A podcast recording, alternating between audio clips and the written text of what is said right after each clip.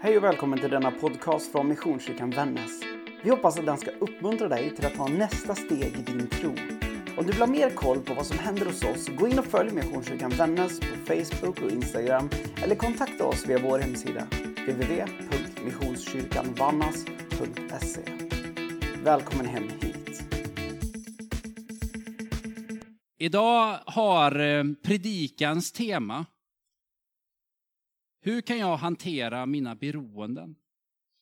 Och jag kan tänka att en del av er tänker nog att jag har inga beroenden överhuvudtaget, så det här handlar nog inte om mig. Det gäller nog framförallt någon annan. Eller så är det nog eh, något annat än det som jag brottas med, som vi kommer prata om. Men om vi tänker, var och en av oss som sitter här, på finns det saker som faktiskt binder mig? Finns det beteenden i mitt liv som är destruktiva? Finns det saker och tankar och beteenden som har mer makt över mitt liv än vad jag faktiskt önskar?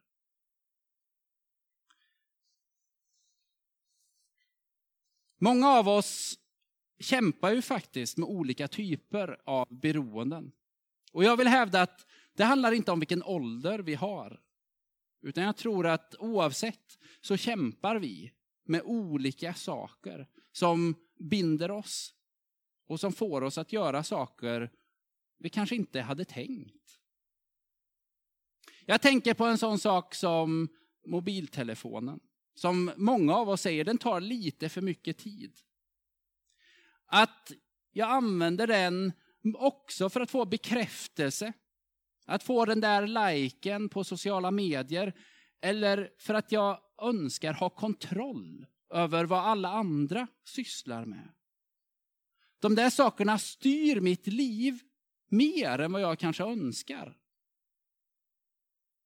Jag tänker på den här späkningen av kroppen. Att många av oss har kroppsideal som vi på något sätt vill leva upp till. Och vi gör val efter det som begränsar oss.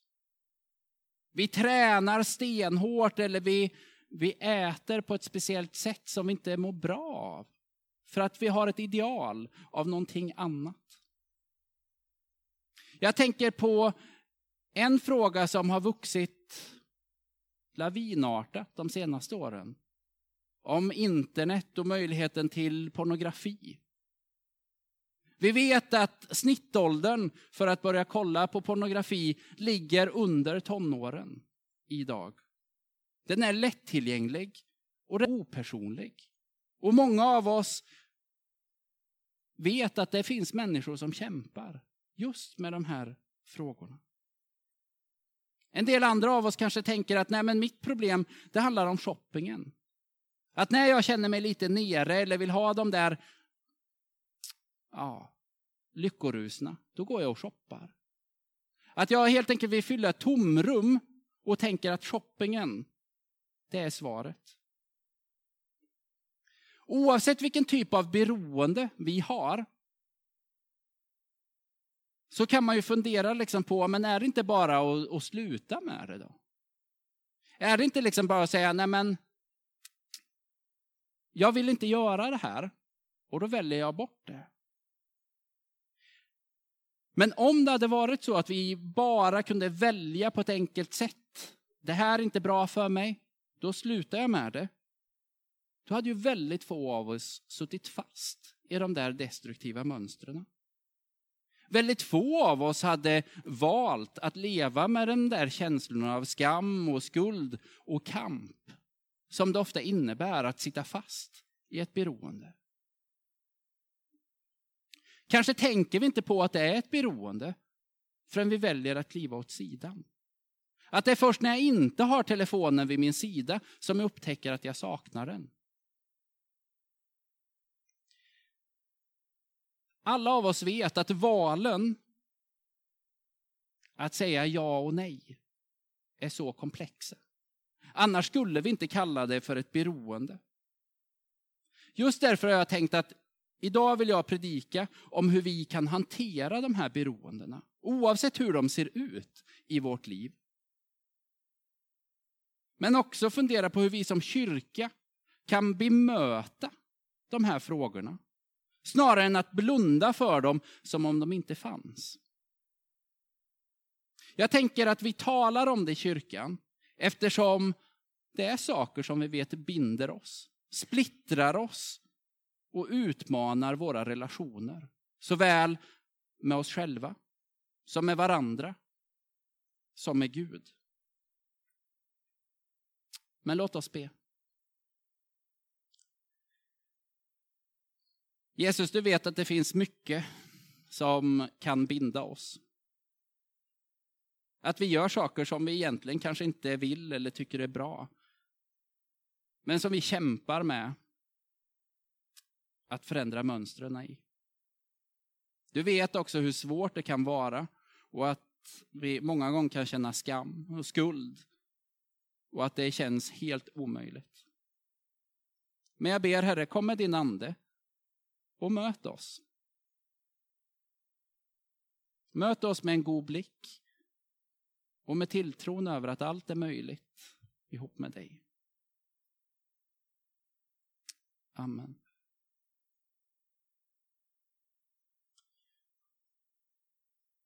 Vi är ju inne i den här predikoserien Välj med ditt liv. För två veckor sedan så hade vi en tredelad predikan. Julia Strömner hon predikade om Bibelns syn på synden. Och hon sa lite kortfattat ungefär så här att vår tidsbild är ju att människan står i centrum. Att människan är fri att välja, ungefär som ett smörgåsbord. Att vi kan välja mellan det som är ont och det som är gott. För vi, människan, vi står liksom i kontroll. Hon sa att synden är någonting som då blir väldigt personlig. Och att det Jesus gör, det är att han erbjuder förlåtelse. Men, sa hon, den bibliska bilden av synden, den sätter inte människan lika mycket i centrum. Människan har inte lika mycket makt över sina val. Hon är istället kluven mellan det onda och det goda. Och så sa hon att synden är någonting som omger oss. Att det finns i våra strukturer och att det också finns en kamp mellan det onda och det goda som vi inte riktigt kan se. Och så sa hon att i en sån världsbild så erbjuder Jesus oss framförallt befrielse.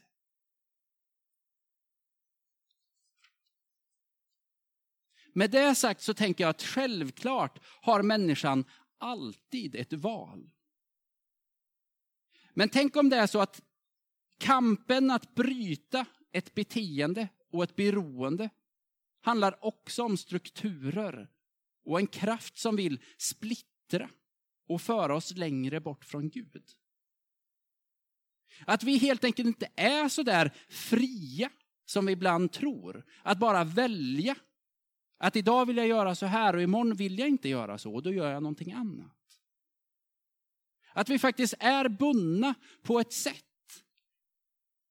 som är större än att det kretsar bara kring mig. Vi ska läsa en bibeltext ifrån Romarbrevets sjunde kapitel. Och då står det så här. Det jag vill, det gör jag inte. Men det jag avskyr, det gör jag. Viljan finns hos mig, men inte förmågan att göra det som är gott. Det goda som jag vill, det gör jag inte. Men det onda som jag inte vill, det gör jag. Men om jag gör det jag inte vill, då är det inte längre jag som handlar, utan synden som bor i mig. Jag har alltså upptäckt att eftersom det onda finns hos mig, så är lagen något gott för mig som vill göra det goda. I mitt inre bejakar jag ju Guds lag. Men jag ser en annan lag i mina lemmar. Den ligger i strid med lagen i mitt förnuft och gör mig till fånge hos syndens lag i mina lemmar. Befrielsen ligger alltså primärt inte i bara att göra ett litet val. Utan befrielsen ligger primärt i att välja Guds lag. Att välja Gud. Att bejaka att det finns en kamp mellan det goda och det onda. Och att Guds väg leder mot liv. Texten säger att valet ligger primärt inte bara i vårt förnuft. De allra flesta som sitter fast i ett beroende kan ju faktiskt resonera över att det här är inte bra för mig. Men ändå fortsätter jag. Jag kommer liksom inte loss. Hur jag än tänker Och texten säger också att det ligger kanske inte i mina små vardagsval heller. Att om jag bara väljer att idag gör jag någonting annat, så lever frestelsen ändå kvar. Romarbrevet säger att valet är så mycket större. Och det valet handlar om att välja Gud och välja Guds lag. Om vi kollar på hur en del olika organisationer arbetar med beroendeproblematik så är kanske den mest kända över världen är ju Anonyma Alkoholister. De arbetar efter någonting som heter tolvstegsmetoden och den används på jättemånga olika arenor. Det finns några grundbultar i den. Det första är att man behöver erkänna sitt problem. Det andra är att man inser behovet av en högre makt eftersom man inte klarar av att bryta det själv. Det innebär alltså att man underordnar sig och säger att jag är inte längre centrum, utan jag behöver hjälp av en högre makt. Det tredje är att man erkänner sina fel. Och det fjärde är att man bekänner att man genom sitt beroende gör fel mot andra människor. Det är på samma sätt att man erkänner att man är i behov av en högre makt. Det är samma sak som Romarbrevets sjunde kapitel säger, att man klarar det inte i egen kraft. Låt oss kolla på tre bibelställen för att bara belysa. På ett par ställen i Moseböckerna så berättas det om tio Guds bud. Att Mose får ta emot bud från Gud över förhållningssätt. Av de här tio buden så är det två stycken som handlar om begär. Det nionde budet och det tionde budet. Som handlar om att du ska inte ha begär mot din nästas hus. Och du ska inte ha begär till din nästas hustru, inte heller hans tjänare, tjänarinnare, oxe eller åsna eller något som tillhör honom. Varför nämner Gud det här om begär i två av de tio buden? Jag tänker att det beror på att Gud vet att det här är en sån extremt reell kamp för oss alla. Att vi brottas med att vi har begär efter världsliga ting. Men också för att Gud vet att just de här begären är det som kan splittra oss. Att det kan förstöra vårt sätt att se på oss själva. Att det kan förstöra våra mellanmänskliga relationer. Men också för att det kan ta oss bort från Gud snarare närmare Gud. Genom att ge de här två buden så tänker jag att Gud ett lyfter ett varningens finger. Men två också uppmanar oss att ha ett sunt förhållande till det som han vet många gånger blir till begär. Den andra berättelsen tänker jag är den allra första berättelsen vi möter i Bibeln. Om Adam och Eva. Jag tänker att vi skulle kunna använda ett ord från Romarbrevet. Just det ordet, viljan finns hos mig, men inte förmågan att göra gott. Adam och Eva får ju reda på att gör vad ni vill, men ät inte av frukten från det där trädet. De vet att de inte ska, men de gör det ändå. Viljan fanns antagligen hos dem, men inte förmågan. Och vem kan inte känna igen sig i just det när det kommer till beroende? Att viljan finns där, men inte förmågan. Men när vi fortsätter berättelsen om Adam och Eva, så är det att när Gud kommer och vill möta dem, vad är det då de gör? Jo, de springer och gömmer sig. Jag tänker att vår reaktion är exakt likadan. Att vi springer och gömmer oss, eller vi gömmer undan. Vi gömmer undan våra beroenden för andra, men också för Gud. Att istället för att erkänna så gömmer vi oss eller gömmer undan. Istället för att dela och tro att i delandet och gemenskapen och erkännandet så finns befrielsen. Så tänker vi många gånger att jag kan lösa det på egen hand. Den tredje berättelsen är bara ett par kapitel fram och handlar om Kain och Abel. Den berättelsen handlar inte heller primärt om, om ett beroende. Men jag tänker att den också kan säga någonting till oss. Den handlar ju om hur de två bröderna Kain och Abel, de arbetar. Och sen berättas det att Kain dödar Abel. Och så kommer Gud och möter Kain. Och så står det att Kain sänker sin blick. Och så svarar Gud. Om du handlar rätt vågar du lyfta blicken. Om du handlar rätt vågar du lyfta blicken. Vi vet alla att vi gör fel. Många gånger varje dag. Och att det på något sätt hör till livets förutsättningar genom syndafallet. Men kyrkans tro är ju att Gud kommer med förlåtelse och upprättelse och befrielse. Det är det Gud vill komma med till Kain. Men vad gör Kain? Jo, han sänker sin blick. Och att sänka sin blick är ett val.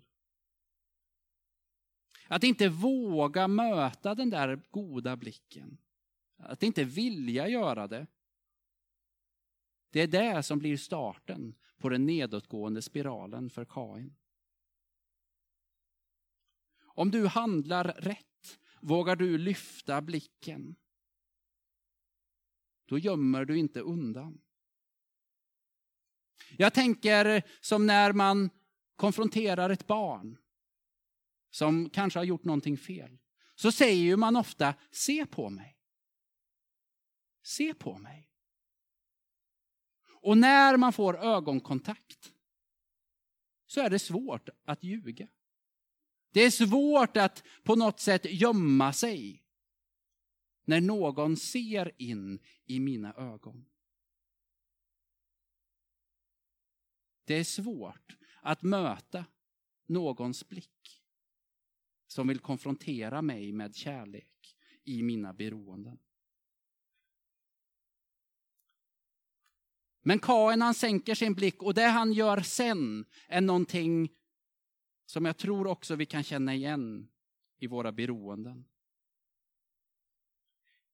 Kain, han försöker rättfärdiga sitt beteende. Och han försöker hitta på ursäkter. Gud konfronterar honom genom att säga, vart är din bror? Och Kain svarar, varför ska jag ta hand om min bror?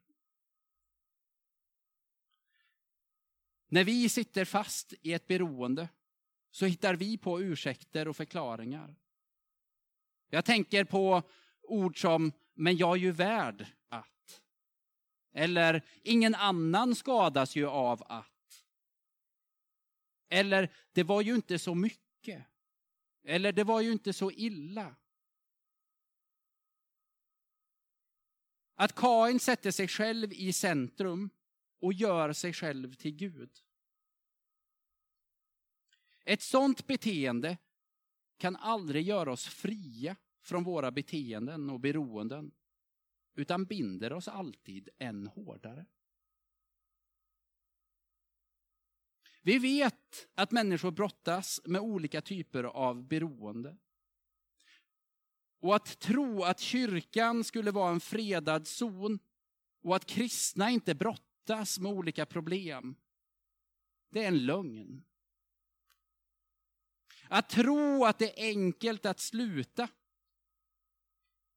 om man sitter fast i ett beroende, det är också en lögn. Men att tro att Gud kan möta dessa beroenden, det är sant. För Gud vill möta oss och ge oss befrielse, upprättelse och förlåtelse. Men det kräver att vi vågar erkänna och att vi vågar tro på att Guds väg kan bära. Författaren Magnus Malm han säger så här, att all sanning är en kontaktyta med Gud, hur oandlig den än må vara.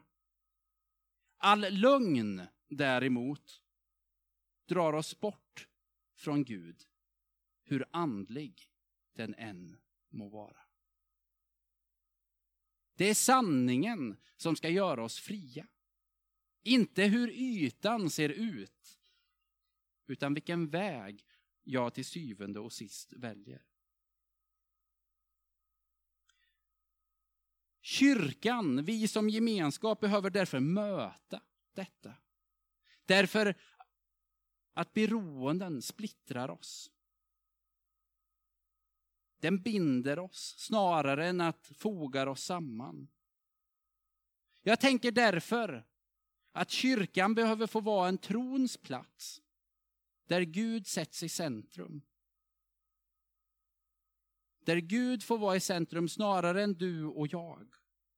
Och där vi får lägga ner vår egen kraft i tron på att Gud är större. Jag tänker att kyrkan behöver få vara en nådens plats.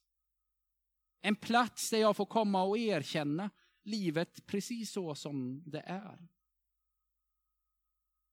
Jag tänker att kyrkan behöver få vara en gemenskapens plats. Där ingen behöver gå sin kamp ensam. Jag tänker att kyrkan behöver vara den goda viljans plats. Ett ställe där vi får påminnas om de goda valen. Och jag tänker att vi behöver få vara en bönens plats. En plats där vi får be Gud befria oss från alla de strukturer som sliter oss isär och drar oss bort ifrån våra relationer. Lisa kommer sjunga en sång för oss och efter den sången så kommer det vara en förbönstund. Jag tror att det finns befrielse i de strukturer som var och en av oss kan uppleva att vi sitter fast i. En del av oss känner, jag skulle aldrig hela mitt liv våga erkänna för någon annan, för att jag tycker detta är så pinsamt. Men till dig som känner det, så vill jag bara uppmuntra att säga att det finns en kraft i att erkänna och att våga släppa in Gud. Micke och Gunilla kommer sitta i samtalsrummet och de vill mer än gärna be tillsammans med dig. För vi vill som sagt vara en trons plats, en nådens plats, en gemenskapens plats, den goda viljans plats och bönens plats. Amen.